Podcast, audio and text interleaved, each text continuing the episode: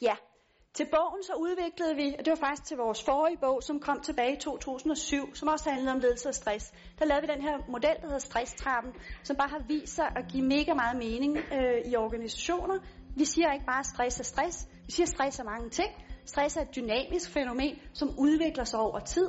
Der er forskel på den nervøsitetsstress, man kan have, når man skal ind og tale foran jer. Det er én ting, det er ikke så farligt. Og så er der forskel på den stress, man kan have at blive sygemeldt og være ude af arbejdsmarkedet i lang tid. Det er jo to vidt forskellige ting. Vores identitet i dag i det moderne vidensarbejde, den er sådan sammenfoldet med arbejdsopgaven. Når vi går på arbejde, så bruger vi vores personlige kompetencer. Vi bruger vores kommunikationsevner. Vi bruger vores evne til at skabe relationer. Vi bruger vores evne til at øh, lave strategi, arbejde målrettet. Alle de her ting. Så man kan sige, arbejdsproduktionsapparatet er rykket ind i os som mennesker. Så når vi går på arbejde, så vil vi vores identitet med. Man kalder det også for kognitiv kapitalisme. Produktionsapparatet ligger inde i menneskene.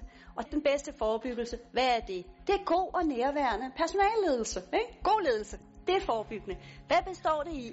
I vores model, der er det helt simpelt. Du skal binde det rundt om, du har nogle gode relationer til folk. Det man kan kalde den resonante ledelse. God ledelse, god rollemodel, så folk har lyst til at følge dig. Så bliver du til at interessere dig for folk og skabe nogle gode relationer til dem. Så skal du fokus på din kommunikation, så folk de ved, hvad er det for en opgave, de skal løse, og hvilken sammenhæng, og hvad er kravene til mig? Hvad, hvad er det, jeg skal lykkes med? Det skal jeg vide, fordi hvis jeg ikke ved det, hvad sker der så? Hvis vi ikke ved, hvad kravene til os er,